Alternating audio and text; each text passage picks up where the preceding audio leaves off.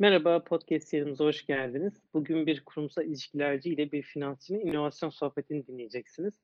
İnovasyon artık hayatın her alanında var. Dolayısıyla biz de aslında Vodafone'da farklı perspektiflerin konuya yaklaşımına kulak vermeyi ve inovasyonu şirket kültürünün tamamını yaymayı değerli buluyoruz. Ben e, Vodafone Kamu Politikaları ve Kurumsal İlişkiler Kıdemli Müdürü Erdal Kiraz. Konuğum ise bugün Vodafone Türkiye Finanstan Sorumlu İcra Kurulu Başkan Yardımcısı sevgili Tülü Karagöz. Tülü Hanım merhaba, hoş geldiniz. Merhaba Erdal, hoş bulduk. Tülü Hanım, eee, şöyle başlayalım. Eee, finansta matematiğin benim işimde de aslında düzenlemelerin işimize net etkileri var, bunu biliyoruz. Sizce bu etkiler içinde eee, inovasyona yer var mı? Yani üst düzey bir finansçı olarak siz bu konuda ne düşünürsünüz? İşinizde inovasyonun yeri nedir? Biraz bahsedebilir misiniz? Tabii, eee, Erdal ben finansta yaratıcılığın da önemine her zaman inanıyorum. Ama inovasyon son yıllarda eskisinden çok daha fazla kendini hissettirir oldu. Sürekli adapte olmamız, problem çözmemiz ve her gün daha da hızlanmamız gereken bir çağdayız. Hepimiz biliyoruz ki. Hangi alanda olursak olalım bunları başarmak için inovasyon şart. Eee, gerçekten, eee, dediğiniz gibi, yani, pandemi dönemi bir yönüyle hayatı durdurdu, bir yönüyle de aslında hızlandırdı, değişimi hızlandırdı. Her şeyin yeniden tanımlandığı yeni bir döneme girdik. İşte, konfor alanlarımızdan çıktık, işimiz, hayatımız birbirine girdi, iletişimimiz dijitalleşti. Eee, bizim farklı düşünmek için normalde kullandığımız, ihtiyaç duyduğumuz alanlar sınırlandı. İşte, etkinliklere, seyahatlere gidemez olduk. Bu derece önemli değişiklikleri düşündüğümüzde siz neler gözlemliyorsunuz bu değişimle ilgili? İnovatif olmak böyle bir ortamda eskisinden daha mı zor? Evet, aslında inovatif olmak için bizi bes besleyen kaynaklar sınırlandı. Bunun için de biraz işimiz zorlaştı. Ama diğer yandan da inovasyona daha da çok iht ihtiyaç duyduğumuz bir dönem yaşıyoruz. Teknolojinin her şeyi hızla dönüştürdüğü böyle bir ortamda değişen ihtiyaçları görerek inovasyon yapmak, öncü olmanın, lider olmanın değil, hayatta kalmanın gereği oldu aslında.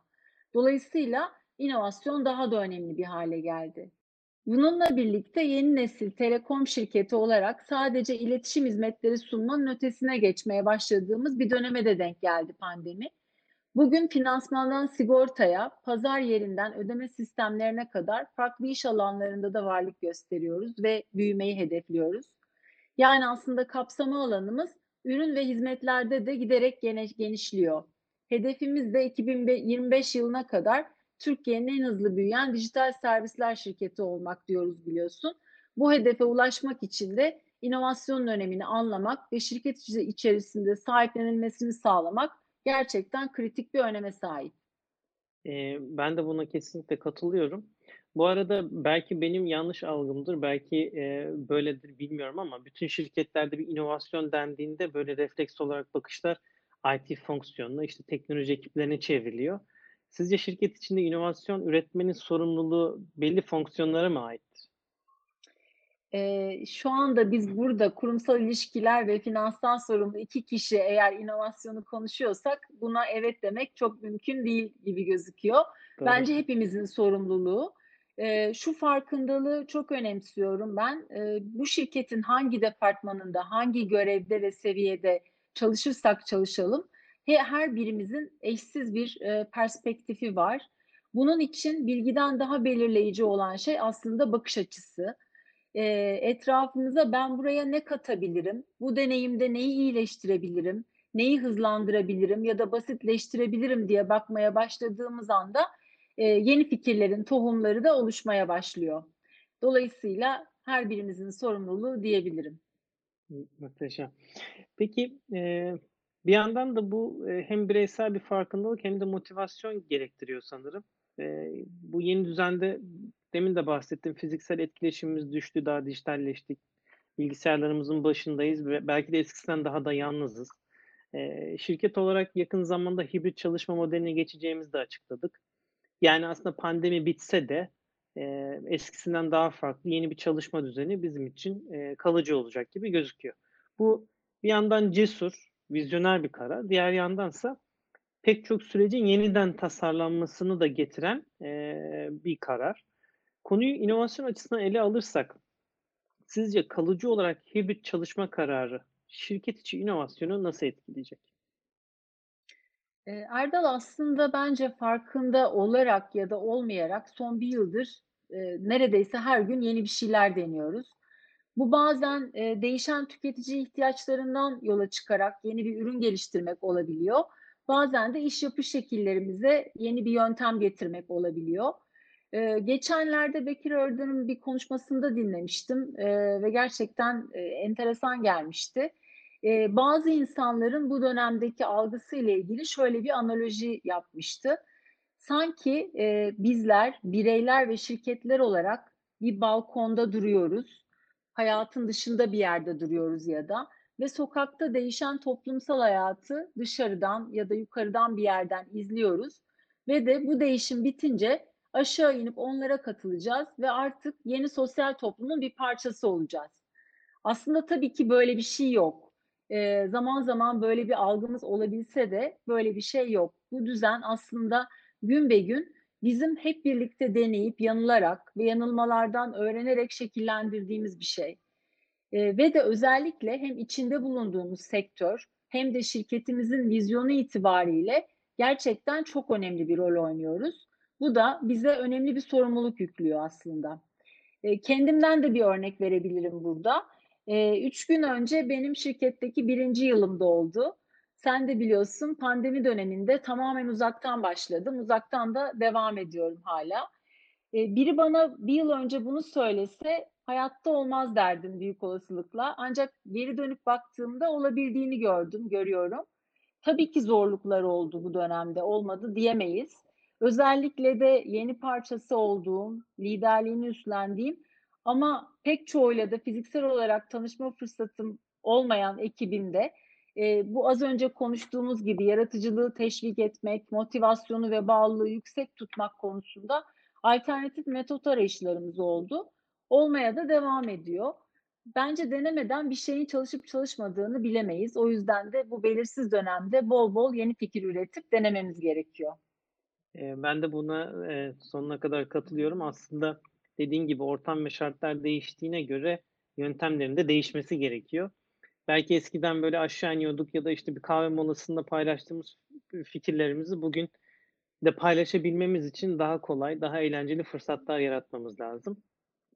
Eee, Vodafone'a gelecek olursak aslında şirket içi inovasyonu geliştirmek için bugüne kadar pek çok inisiyatifin hayata geçirildiğini biliyoruz. Bunlardan da en günceli, en şu anda gündemde olanı bizim için Launchpad platformu.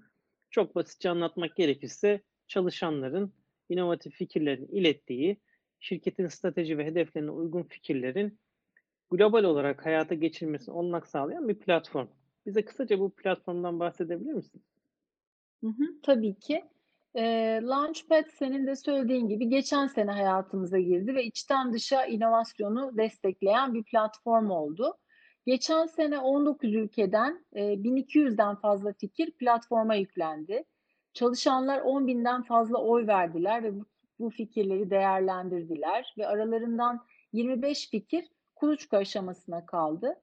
Çok farklı alanlarda gerçekten yaratıcı fikirler gördük. Özellikle COVID nedeniyle sosyal mesafe önlemleri uygulanırken restoran sektörünün yeniden başlatılmasına nasıl yardımcı olu olunacağından, yiyeceklerin ve diğer ev temel ihtiyaçlarının müşteriler için nasıl karşılanabilir tutulacağına kadar pek çok fikir geldi. Kazanan fikirler aynı zamanda Vodafone'un 2025 yılına kadar 1.000.000.000 yaşamı iyileştirme ve çevresel etkimizi yarı yarıya azaltma amacına yönelik hedeflerine de destek verdi. Eee, özetlemek gerekirse Launchpad platformu ile doğrudan çalışanlarımızdan aldığımız fikirleri hayata geçirerek hem müşterilerimiz hem de toplumumuz için fark yaratma fırsatına ulaşıyoruz. 2021 için de Launchpad pla platformunun şirket içinde duyurusunu yaptık, eee, bildiğin gibi. Şu ana kadar da çalışanlarımızdan oldukça yoğun bir ilgi gördüğünü söyleyebilirim. Daha da belli bir süremiz var. Yeni fikirlerin de gelmesini bekliyoruz. Eee, bence de Launchpad, eee, özellikle bu hibrit çalışma düzeninde departman ve seviye bağımsız, biraz önce de sen, bakış açısı anlamında bunu belirtmiştin.